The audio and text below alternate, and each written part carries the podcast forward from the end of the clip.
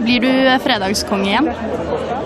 Du vet at det derre fredagskonge det, er ikke en, det, det har man liksom ikke noen følelse av selv å være. Man våkner liksom ikke om morgenen og tenker at jaså, jeg er fredagskonge. Hva tenker du på når du hører navnet Skavlan? La meg gjette. Suksess? Popularitet? NRK? Gullrekka? Penger? Makt? Til det som ikke tenkte på noen av disse tingene her, men bare han fyren og det TV-programmet som du egentlig ikke har sett så mye på, også kjent som Fredrik Skavlan, så kan jeg si det med en gang at Skavlan er så mye mer. For det fins en idé om navnet Skavlan. En slags abstraksjon. At sjøl om familien angivelig skal være akkurat som meg og det, så er det noe mer. At alt som kommer i berøring med, eller formerer seg med en av Skavlan-slekta, får en helt egen superkraft.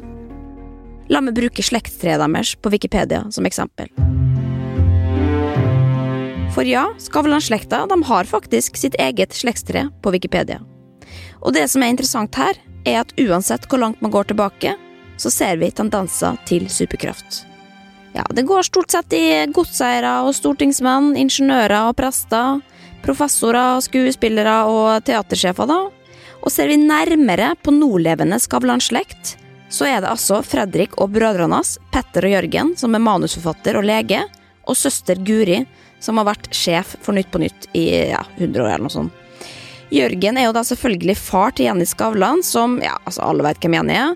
Og Petter er far til Anna Skavlan, som er en jævlig god skribent, da, modell, it-jente, selvfølgelig. Og sjøl om dette bare utgjør et par greiner av det store slektstreet, så vil jeg allerede her si at vi har med et ganske perfekt tre å gjøre.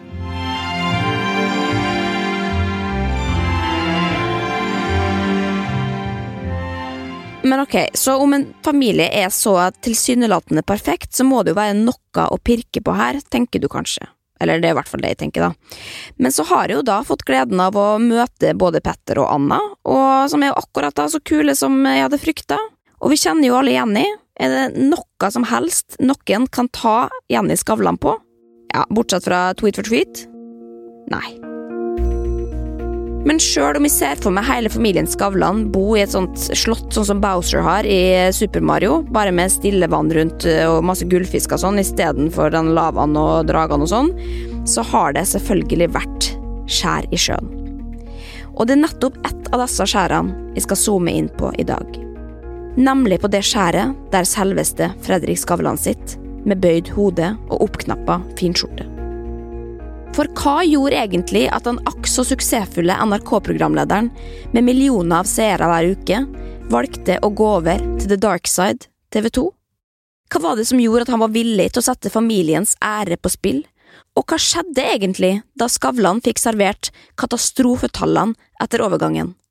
Det er det vi skal finne ut av her i dag.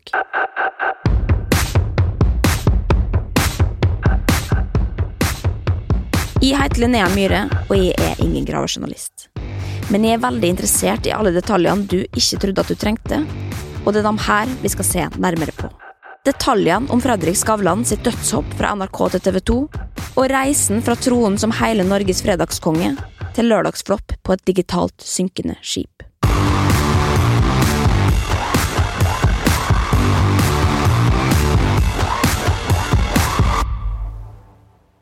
Er du over 13 år og ikke veit hvem Skavlan er, så må jeg bare si det. Sorry, altså, men da kan jeg nesten ikke hjelpe det. Ja, men eh, med det sagt, altså, kan jeg godt gi et lite lynkurs i hvem Fredrik Skavlan faktisk er, eller har vært. For det er jo en liten aldersforskjell mellom Fredrik og meg, da, for eksempel her, og derfor besitter ikke jeg nødvendigvis eh, kunnskapen om at eh, Fredrik faktisk begynte som tegner i sin ungdom, og leverte tegneserier til Dagbladet og Aftenposten, blant annet.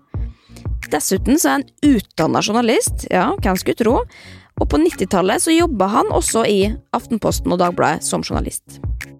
Men det var ikke før i 1996 at han begynte i sin første programlederjobb. Skavlan var på dette tidspunktet 30 år, og fikk oppgaven å lede programmet Absolutt på nyoppstarta NRK2. Dette kan du ikke huske, da. Jeg var veldig travelt opptatt med å se Mummitrollet sin Kometen kommer på VHS akkurat disse årene. Men i 1999 fikk han talkshowet først og sist, og blei en del av gullrekka på NRK1, og vips, så er man en del av kulturarven. Og for dem som ikke husker, så høres introen da omtrent slik ut.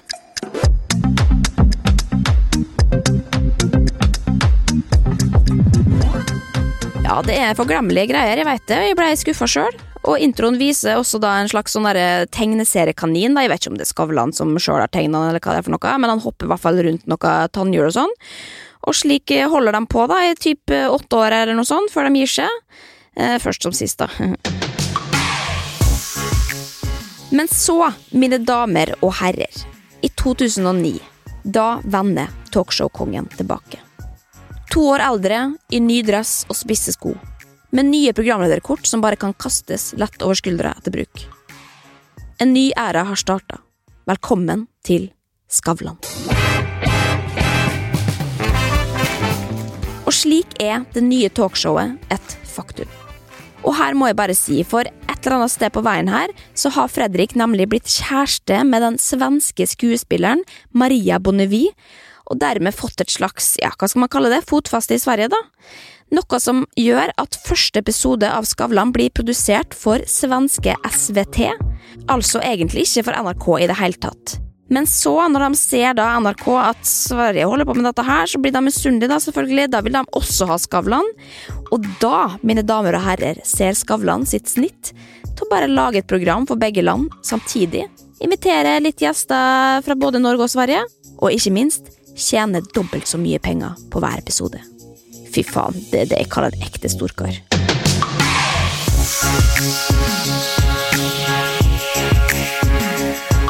Og første sending går bra.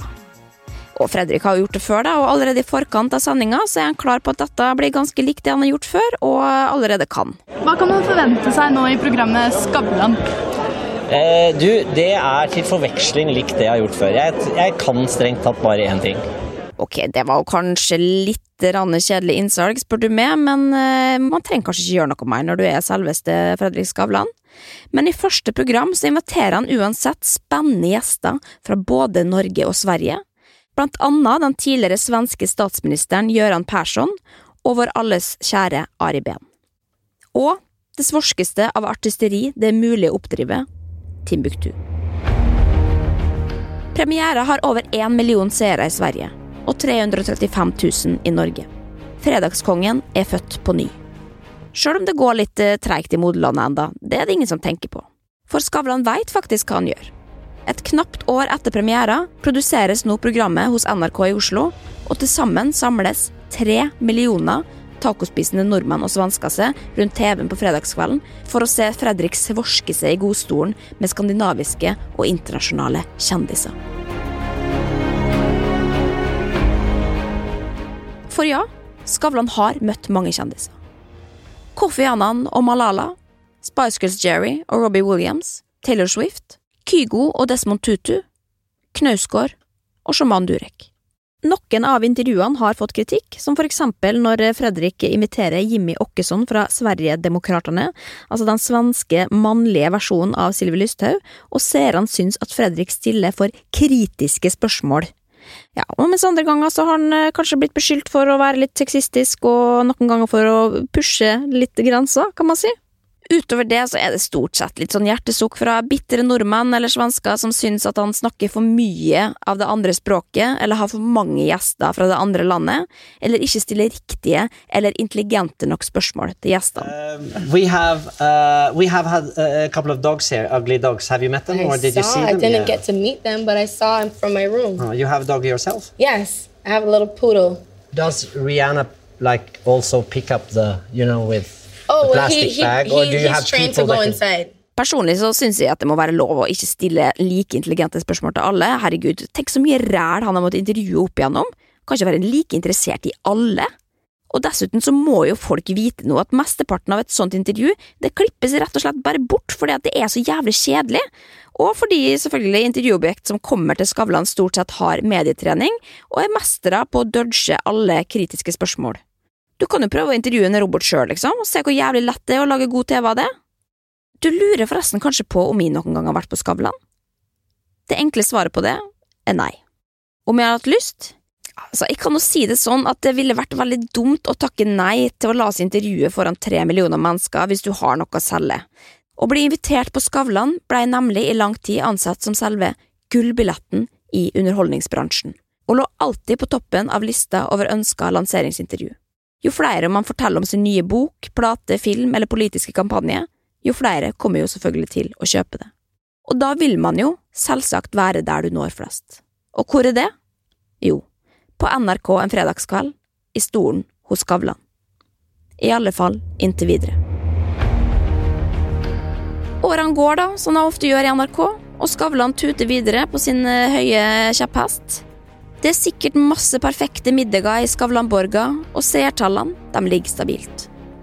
Skavlan blir storkar med sendinger både i London og New York, og han kan takket være nå den meget beleilige beliggenheten både velge og vrake i kjendiser.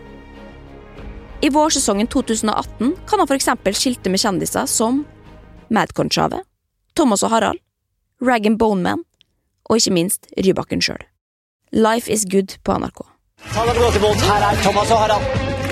Dere, dere, ja, dere har et talkshow. Ja, vi, Dere har hatt et talkshow i 15 år. Eh, men det er et mer fysisk krevende talkshow enn det jeg har. ja, vi har valgt en litt annen retning enn det du gjorde. Ja. Men så er det noe som skjer. Etter nok ei vellykka sesongavslutning kaster Fredrik kortene og reiser tilbake til Sverige, eller hvor faen det er han bor. Nye familiemiddager i Skavlansborga, og kanskje en liten sigar på ja, en hesterygg i solnedgang, eller et eller annet sånt. Alt er tilsynelatende som vanlig. Men Fredrik bærer på en hemmelighet. Og plutselig så smeller det. Tirsdag morgen 5. juni 2018.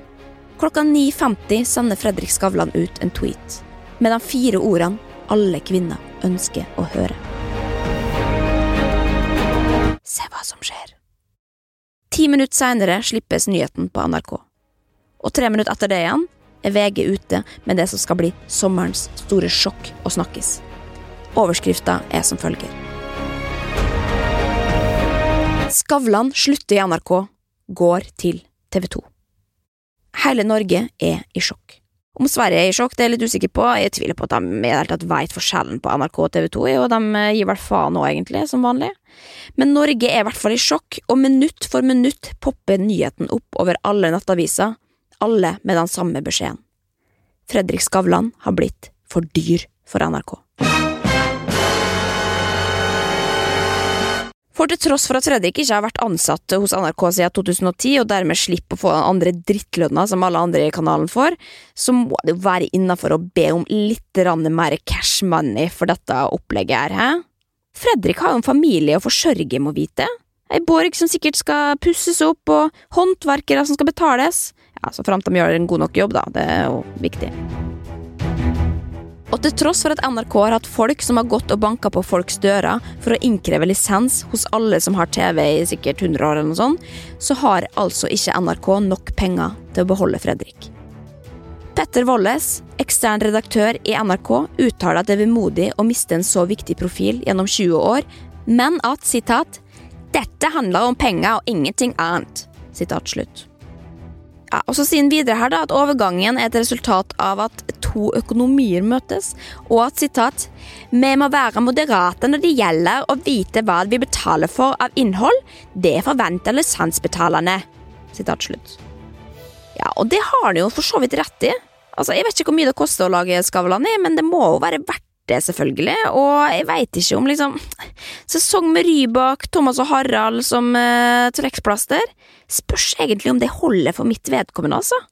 Ikke at det er noe galt med noen av disse profilene. Jeg digger både Rybak og Thomas og Harald og Chave og Ragbone Man. Men jeg er villig til å betale for at Skavlan skal fly Thomas og Harald til New York, eller hvor faen det er de spiller inn, som sikkert skal inkludere dyrt hotell i Soho, besøk på Moma, overprisa middag på Michelin-restaurant. Altså, Jeg kan ikke snakke på vegne av alle her, men er jeg villig til å betale for det? For å se den trioen der lolle på Skavlan om hvem som er best på talkshow? Er jeg villig til det? Nei. Men det viser det seg jo også at de slipper, nå som NRK har knytta igjen pengesekken og sagt det som det er. Sorry, Fredrik, men du får ikke noe mer penger her nå. Ja, Nå vet jeg ikke akkurat hvordan den samtalen der foregikk, men det er jo sikkert ikke noe lett å høre da, for Fredrik. At pengeslusa er stengt, og at det er rett og slett slutt på å fly norske kjendiser til New York på lisensbetalerne sin regning. Det må være en jævlig tøff beskjed å få.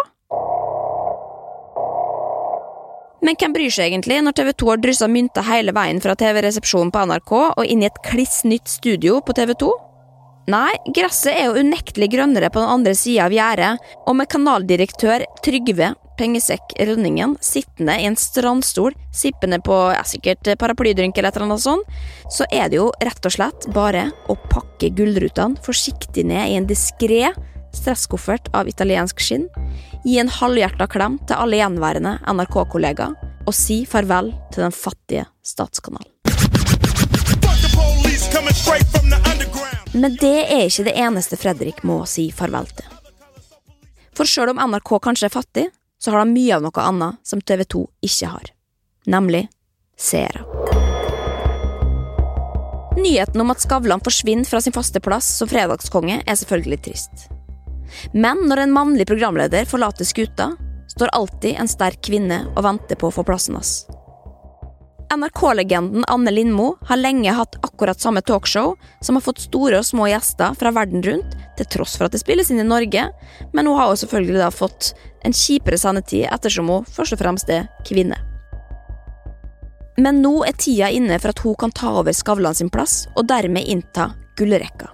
Og det er jo selvfølgelig stas. VG lager en sak på overtakelsen og ringer Anne for å høre hennes reaksjon. Jeg er gira på gullrekka! Ja, og det er egentlig bare sitatet, så det var det de fikk. Kringkastingssjef Tor Gjermund Eriksen uttales også, men jeg veit ikke helt om han greier å overbevise meg om at han gleder seg, altså, når han sier følgende, sitat. Hun har gjort en super jobb og er en flott, kvinnelig profil som har bygd seg opp i NRK over mange år. NRK står ikke tomhendt tilbake uten Skavlan. Ja, Hvis jeg skal oversette det her, så høres det litt ut som at ja da, ja da, Lindmo er sikkert bra, hun er særlig for å være kvinne, da, men vi må aldri glemme Skavlan. Men nå som Skavlan faktisk har left the building, er fattigkassa NRK Yesterday's News, og det er på tide å gå videre. For det at folk faktisk så på Skavlan, hadde jo ikke noe med at det var fredag kveld og ingenting annet å gjøre enn å se på NRK. Nei, det var jo fordi vi på død og liv faktisk måtte få med oss Skavlan, sant? På samme måte som at overgangen fra NRK til TV 2 bare handla om et pengespørsmål, og at TV 2 hadde mer penger. Men det er her det blir litt rotete. For bare et par dager etter at NRK har gått ut hardnakka og påstått at dette utelukkende er et spørsmål om penger, gjør VG et intervju med Fredrik. Overskrifta lyd som følger. For enkelt å si at jeg gikk for pengene. Ja, og så utbroderer han litt da, og sier det at eh, nei, det blir litt for enkelt å si at det gikk for pengene, for det er ikke sant. Vår viktigste motivasjon er å satse digitalt. Ja, og så sier han da også at eh, TV 2 visstnok er litt mer offensive når det kommer til digital satsing, som jeg synes er en uh, hyggelig måte å kaste NRK under bussen på. For dette skjønner jeg jo, Internett har jo tross alt kommet for å bli, som Trine Grung en gang sa, og det har også nett-TV. Men sjøl om NRK egentlig har gratis nett-TV som per i dag funker veldig bra, så veit kanskje Fredrik noe vi ikke veit, og det er sikkert heller ikke dritlett å overtale en gjeng på NRK som vokste opp med svart-hvitt-TV om at internett er det nye. Men ja, uansett, tilbake til saken, for så var det igjen disse greiene med London og New York og greier, da. For nå sier nemlig Fredrik igjen at det ikke handler om penger, samtidig som han gjerne vil bruke så mye penger som mulig. Sitat. Det er ikke det at jeg må tjene mer penger eller bli rikere, men vi har måttet finansiere en veldig dyr idé. At vi skal spille inn de aller fleste programmene i London og New York. I avtalen med NRK fikk vi dekket innspilling i Stockholm, men en innspilling i London eller New York koster tre ganger så mye. Til nå har vi tatt det med våre egne sparepenger men nå som vi ville gjøre så mye ute, så var vi nødt til å finne en partner som var villige til å finansiere den utviklingen. Ja, nettopp, så du fikk ikke nok penger av NRK, altså handler det jo om penger og stormannsgalskap. Herregud, kan du ikke bare innrømme det, da? At det er mye kulere å kjøre show i London og New York enn i en fuckings bunkers på Marienlyst? Alle er jo enige om det, det er ikke noe å skamme seg over det, Fredrik. Men VG graver videre her da, og lurer på hva slags personlige økonomiske fordeler Fredrik har ved denne overgangen. Og dette er jo da selvfølgelig journalist Thomas Talsat som spør om, han som også er så opptatt av Tone Damli sine fadeser videre, vet dere. Og han, nå har litt fordeler da, fordi at han kommer også fra Molde, spør om følgende. Så du tjener altså ikke noe mer på å ta kanalbytte, altså? Og da svarer Fredrik. Eh, det gjør jeg sikkert. Altså, det kan godt hende at jeg gjør det. Det spørs hva som blir igjen, eh, siden jeg da eier produksjonsselskapet.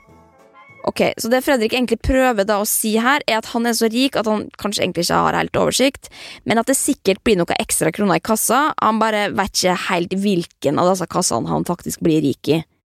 Men det er også med ett forbehold, da, eh, og det er jo at den digitale satsinga faktisk funker, og om noen faktisk kommer til å se på TV på internett om fem år. Men det er det ingen som veit ennå. Bare Fredrik Skavlan.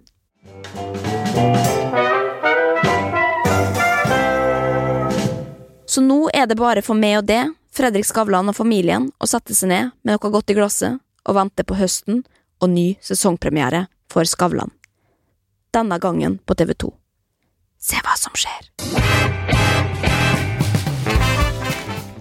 Fredag 14. september er det klart. Premiere for Skavlan volum 2.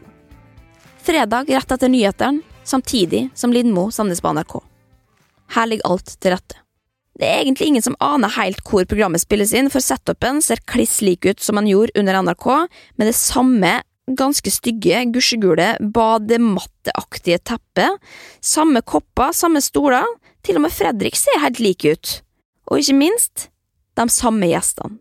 Ja, I hvert fall et par, da, blant annet han derre Jimmy Åkesson fra Sverigedemokraterna igjen, Dalai Lama veit ikke om jeg har vært der før, men ja, det er også uansett lite nytt under solen og i stolen ved første øyekast. Det de dessuten har gjort, og som reklameres heftig for i forkant av premiera, er å invitere den svenske skuespilleren Mikael Persbrandt.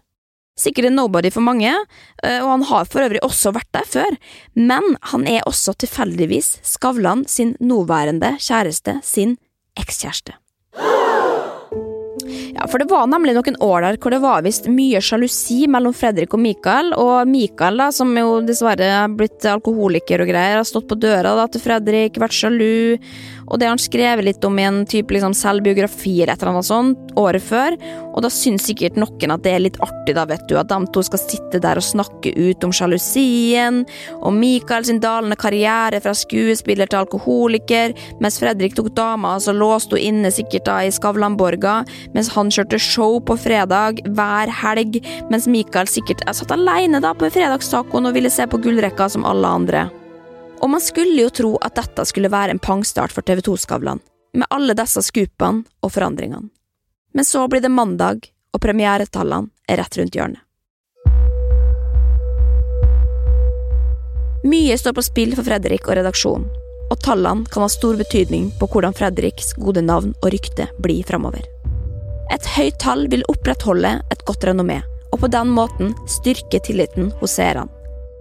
Den som kanskje ikke fikk med seg første uke, vil kanskje gi det en ny sjanse, og vil gå videre i livene sine og tenke at Skavlan fortsatt er fredagskongen, uavhengig av kanal. At han er uovervinnelig. Er tallene lave, derimot, kan det være starten på nedadgående spiral. Skavlan kan bli fredagstaperen. Tallene betyr alt. Mandag formiddag sitter alle klare. NRK, TV 2, hele familien Skavlan sikkert, og ikke minst Lindmo sjøl. Og så slippes nyheten. VG er den første til å si det som det er.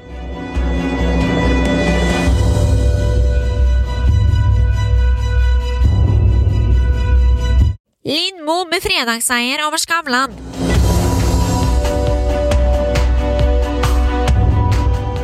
Under tittelen har de lagt inn et stort bilde av Lindmo, mor sjøl, med en ildrød bluse, hendene i sida og et stort smil. VG utdyper. For Skavlan ble det en svak sesongpremiere på TV 2 sammenlignet med fjorårets på NRK.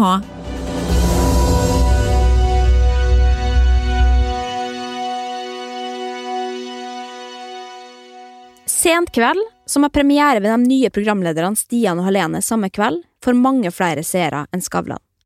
Likevel er kanaldirektør Trygve Pengesekk Rønningen tilfreds med tallene til Skavlan, og særlig med det han kaller Skavlans digitale fotavtrykk, altså det boomers kaller streaming. Men Trygve har uansett troa, og skriver i pressemeldinga at sitat, høsten er lang, og vi skal jobbe hardt for å gi seerne gode fredagskvelder utover. Ja, det er lov å håpe, Trygve. Det er lov å håpe. Showet går og must go on.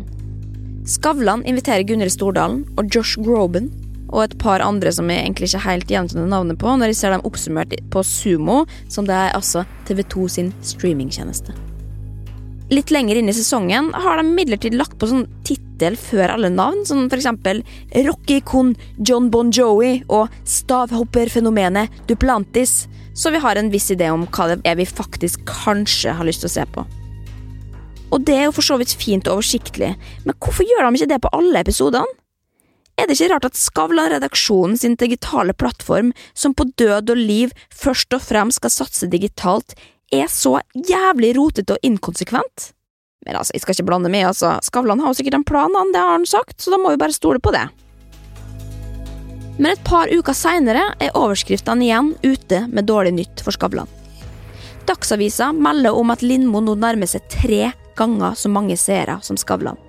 Krisetall kaller han det til og med, og viser til Skavlans stup på 100 000 seere uka før. De er nå nede i 288 000 seere. Lindmo på si side koser seg med sine 790 000 borte på Krinken. Og da er det jo klart at man skal feire, og i en e-post til kampanje forteller hun at hun koser seg med en kokosbolle i lunsjen. Fredrik derimot får ikke noe kokosbolle, og forholder seg inntil videre taus. TV 2 holder på si side hodet kaldt. De har jo en langsiktig plan, må vite, og da er det ikke noe stress at ingen ser på programmet ditt. Det er jo bare å kjøre på videre og håpe på at noen ser på til slutt. Ok, nå sa jeg akkurat at Fredrik var taus, men en ting som faktisk skjedde midt inni der et sted, er at Fredrik får hjelp av en av gjestene sine, nemlig humortalent Kevin Vågenes. I en mystisk video i sosiale medier ser vi Kevin sittende i ei hotellseng. Plutselig dukker Fredrik opp, liggende ved sida av han i senga. Altså, jeg skjønner jo at uh, det koster mye å fly gjester til uh, London og liksom for å være med på opptak og sånn, men jeg takket jo mye ja fordi jeg skulle få et eget rom i London. At jeg skulle slippe å bo med noen.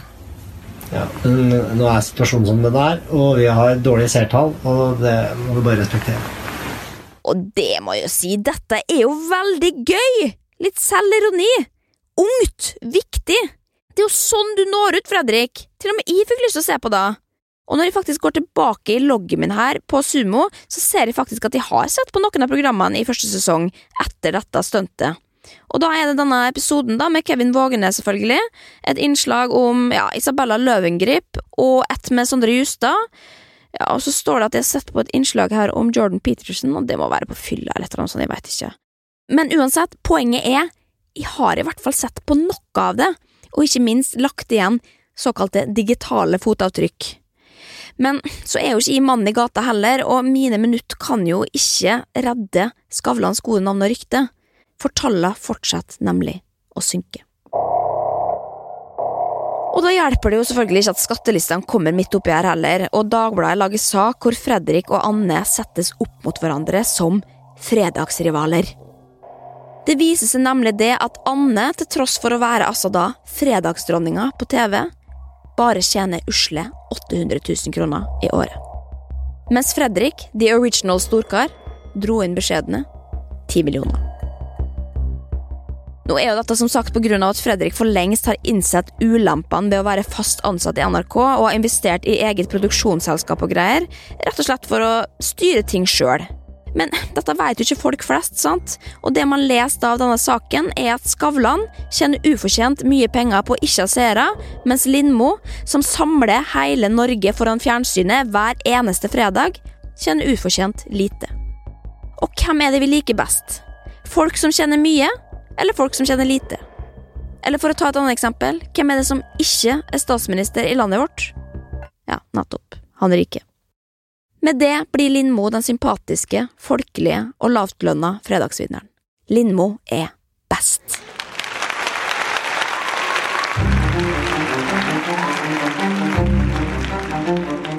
Jeg veit ikke om alt dette her henger sammen, men etter dette så går det i hvert fall bare én vei for Skavlan sine seertall. Nok en sending er over, og Dagsavisen smeller det opp svart på hvitt. Kun 238 000 så fredagens program. 821 000 så på Lindmo. Til og med Idol hadde flere seere enn Skavlan, kan de melde. Nesten dobbelt så mange, til og med, og det må vi jo bare innrømme at det ser ikke så veldig bra ut i 2018, også. Det gjør ikke det. Fredrik holder stadig tyst, men han har holdt på det gode, varme og trygge smilet i programmet. Eller, det vet du ikke jeg, har som sagt ikke sett så veldig mye på, og for alt jeg vet så kan Fredrik ha sittet der, han med sammenbitte tenner mens det har stått Take the pain på alle programlederkorta hans. Men så, uka etter, dukker en sak opp på NRK. Fredrik har nemlig vært gjest i radioprogrammet Ukeslutt på NRK, i det som muligens er et siste rop om hjelp. Her deler han noen oppsummerende tanker om hvordan det faktisk har gått. Men vi må gå litt inn i tallene, fordi da du gikk fra NRK til TV 2, så sank seertallene eh, kraftig. Eh, og forrige uke så var det jo under 250 000. Altså 250 000 på Fredrik Skavlan. Hva har skjedd? Jeg har jo vært mye lavere enn det da jeg begynte, så det føles som å begynne på nytt. Ja. Eh, Men det, det som har skjedd, er jo at vi har, eh, vi har tatt en, en stor sjanse med en del av markedet vårt, eh, og, som er Norge. Eh, Og, og det Vi visste jo hva vi gikk til. Vi visste er det for stor så sjanse? Altså, blir du, blir du skuffa når du får disse tallene? alle blir skuffet. Eh, helt klart. Både vi og kanalen TV 2. Og eh, selvfølgelig blir vi det. Ja, ok, så dere har faktisk sjel, og dere blir skuffa som alle andre. Men jeg skjønner ikke hvorfor dere ikke bare sa det med en gang. Har han der jævla Trygve bare sittet der og løyet, han da? Så du snakker om at det eneste dere bryr dere om er digitale fotspor og greier? Altså, nå er jeg ikke noen PR-rådgiver her, men hadde det ikke bare vært en god idé da å være ærlig helt fra starten av? I stedet for å sende Fredrik med halen mellom beina til NRK i siste liten, i håp om å vekke sympati hos det norske folk rett før siste program, liksom. Det er greit at dere har penger, men det spiller jo ingen rolle det hvis dere ikke har litt hjerte oppi dette. Så ender dere med å kaste ansiktet utad under bussen. Ja, uansett, nok om mine analyser. Det kan jo for alt jeg vet godt hende at Fredrik syns at dette her er helt greit.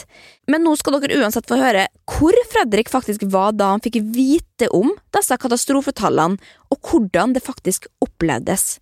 Og her må jeg dessverre bare beklage på vegne av programleder Kristian Strand, som avbryter, men eh, ja. Jeg- Da, da, de, da de første virkelig lave tallene kom hvordan er det gått? Jo, men jeg bare forteller, altså, Da de første virkelig lave, lave tallene kom, så, så var jeg, da var jeg en weekend oppe og, og gikk i fjellet sammen med øh, noen av de store barna mine. Og så, og så har jeg dum nok til å ha med mobilen, og så da plinger de inn, og så kommer de tallene. Og så, og så så jeg ser jeg dette. Jeg- det er mange år siden jeg hadde så lave tall. Og da sier jeg bare ja ja, dette er bra for pappas personlige utvikling. Ja, og alt dette her er jo egentlig ganske sympatisk og fint, og familiefar og dit og datt, men jeg må innrømme at jeg blir litt nysgjerrig på hvor den der fotturen var hen. Altså, var det Alpene, liksom? Ja, I tilfelle så tenker jeg at det var veldig lurt at han ikke sa det, men ja, jeg skulle gjerne visst det, altså.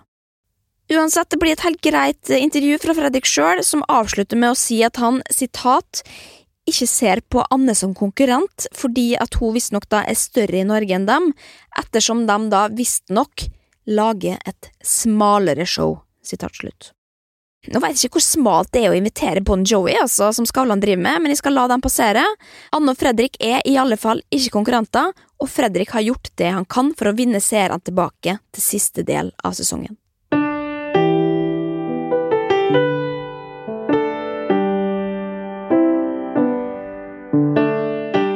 Det tikker mot jul, og 30. november går tolvte og siste sending på lufta.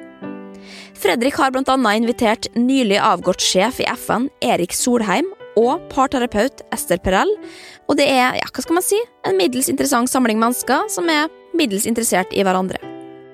Tallene for siste sending er lavere enn noen gang. 183 000 får med seg Fredrik sin koseprat, og dessuten blir det samtidig offisielt Skavlan får ny sendetid. Over nyttår sendes programmet lørdag kveld i stedet for på fredag. Og vi veit jo alle hva det betyr. Dagsavisa oppsummerer sesongen i en kommentar om det de kaller tidenes største TV-fiasko. Kommentator Reidar Spigseth analyserer Skavlan sitt halvhjerta forsøk på å samle folket fra hver sin side av Svinesundbrua på TV 2, før han avslutter med følgende sitat. Og nå veit jeg ikke hvor han der Reidar her kommer fra, men jeg prøver meg på en litt sånn frekk nordlands uh, oppi der-dialekt, fordi at kommentaren er nemlig ganske frekk. Over nyttår må Fredrik Skavlan dele lørdagskvelden med Dorte Skappel og Kveld-Norge. Forhåpentligvis så slipper han å dele gjestene med hun også. Wow, burn, burn, burn, burn, burn, burn, burn, burn. Nei da, faktisk så har God kveld Norge og Dorte Skapper fått sjukt mange seere de siste årene, så jeg tror eh, egentlig ikke at det hadde vært så veldig dum idé. Kanskje det faktisk er noe dere skal snakke om? Uansett, sesongen er over og går ut med det motsatte av et smell. 183 000 skarve seere. Og sånt blir det ikke julebonus av, må vite. Men Skavlan han gir nå sikkert faen, han, for han har nå ja, hva er det da, 43 millioner i formue eller noe sånt. Samboer og seks barn. Pluss resten av Skavlan-familien, da, som sikkert kan invitere en sliten Fredrik på ribbe eller pinnekjøtt eller kalkun eller hva faen han spiser i den familien der. Han har sikkert alt, han, vet du. Nøttesteik og vegisterpølser og Ja, og jeg tviler egentlig på at det er så mye som mangler i den borga der akkurat rundt jul, eller ellers i året, for den saks skyld.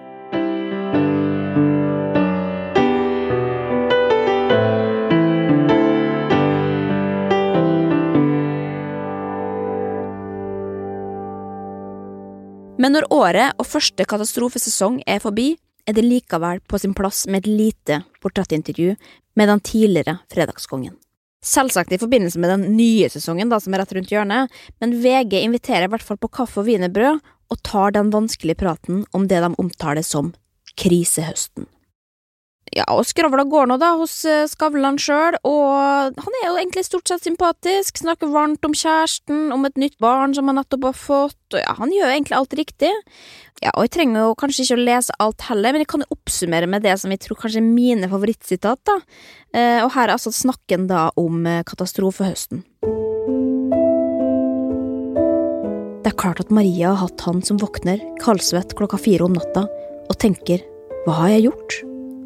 Men vi har også kunnet tatt et glass vin og være nesten fnisete om det hele. Når du ligger i grålysningen og det kjennes som en mann sitter på brystet ditt, tenker du at du må finne på noe annet. Ja, og Så spør VG da om hvordan det går med denne digitale eksperimenteringa, og da svarer egentlig også Fredrik ganske ærlig. Uh, sitat, da.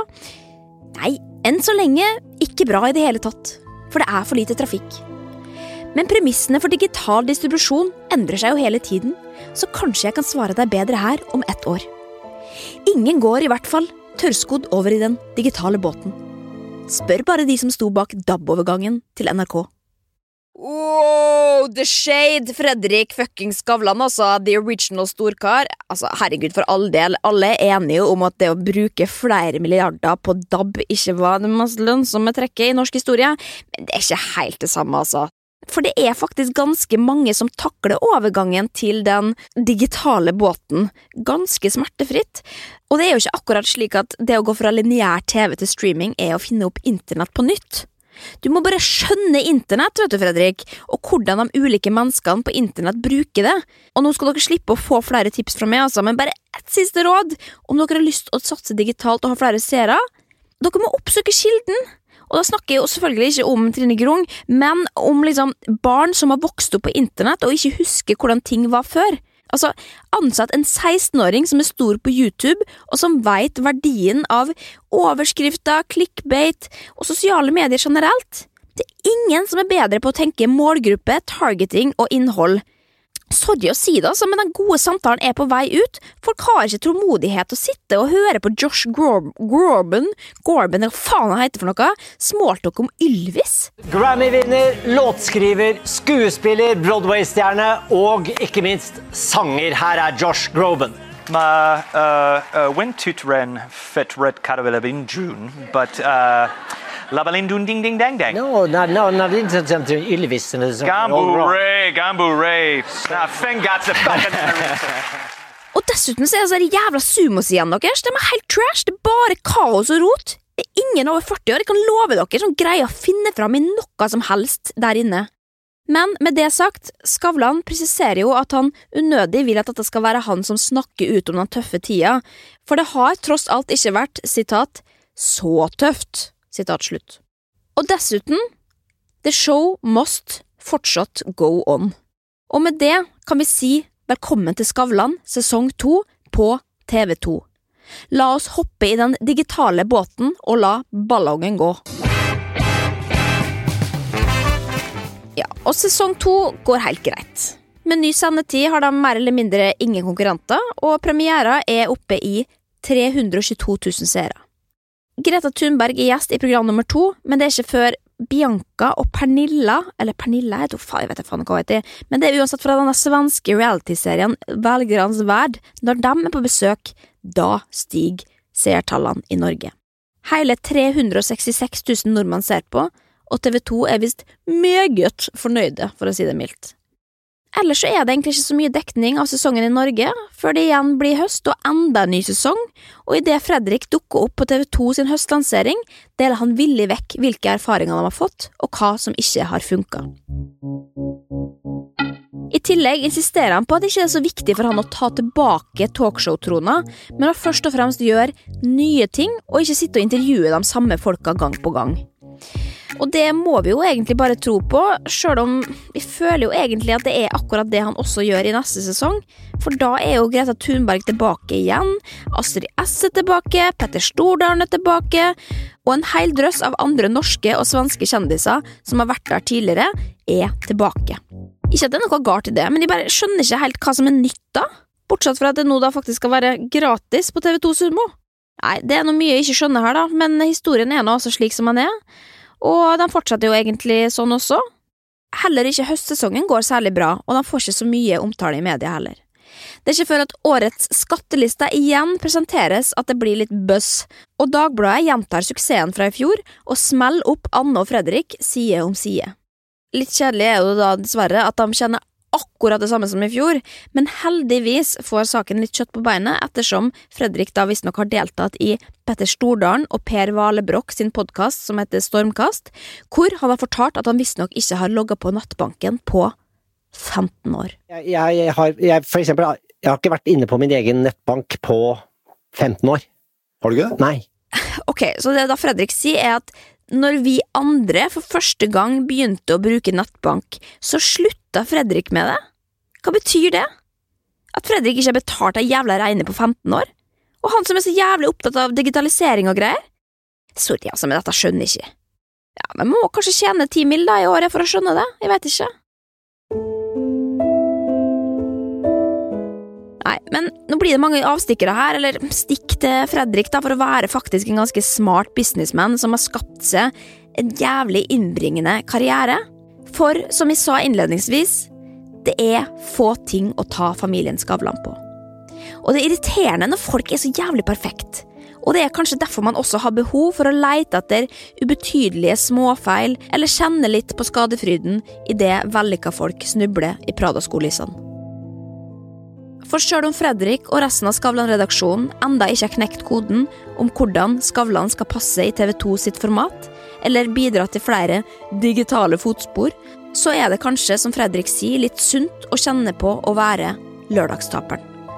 Ingen kan jo være på toppen hele livet, og det er på bunnen at man faktisk lærer noe om det som betyr noe, og hva som er viktigst. Kanskje er det ikke så viktig å ha en million seere hvis det du lager, begynner å kjede det. Kanskje er det ikke så viktig å være på TV hver fredag heller, eller å være best. Kanskje finnes det andre ting som gir mer glede, som en fottur i Alpene med barna, julemiddag med storfamilien i Skavlanborga, eller litt fnising og vin med kjæresten. Men én ting skal Fredrik Skavlan ha. Han gir seg ikke.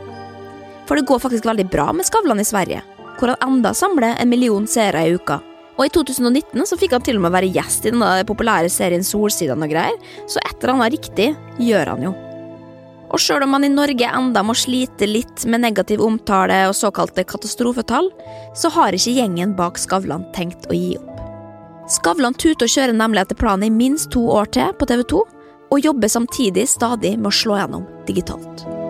Men bare veldig smalt digitalt, da, for det er jo meninga at det skal være smalt, liksom. Det må vi huske.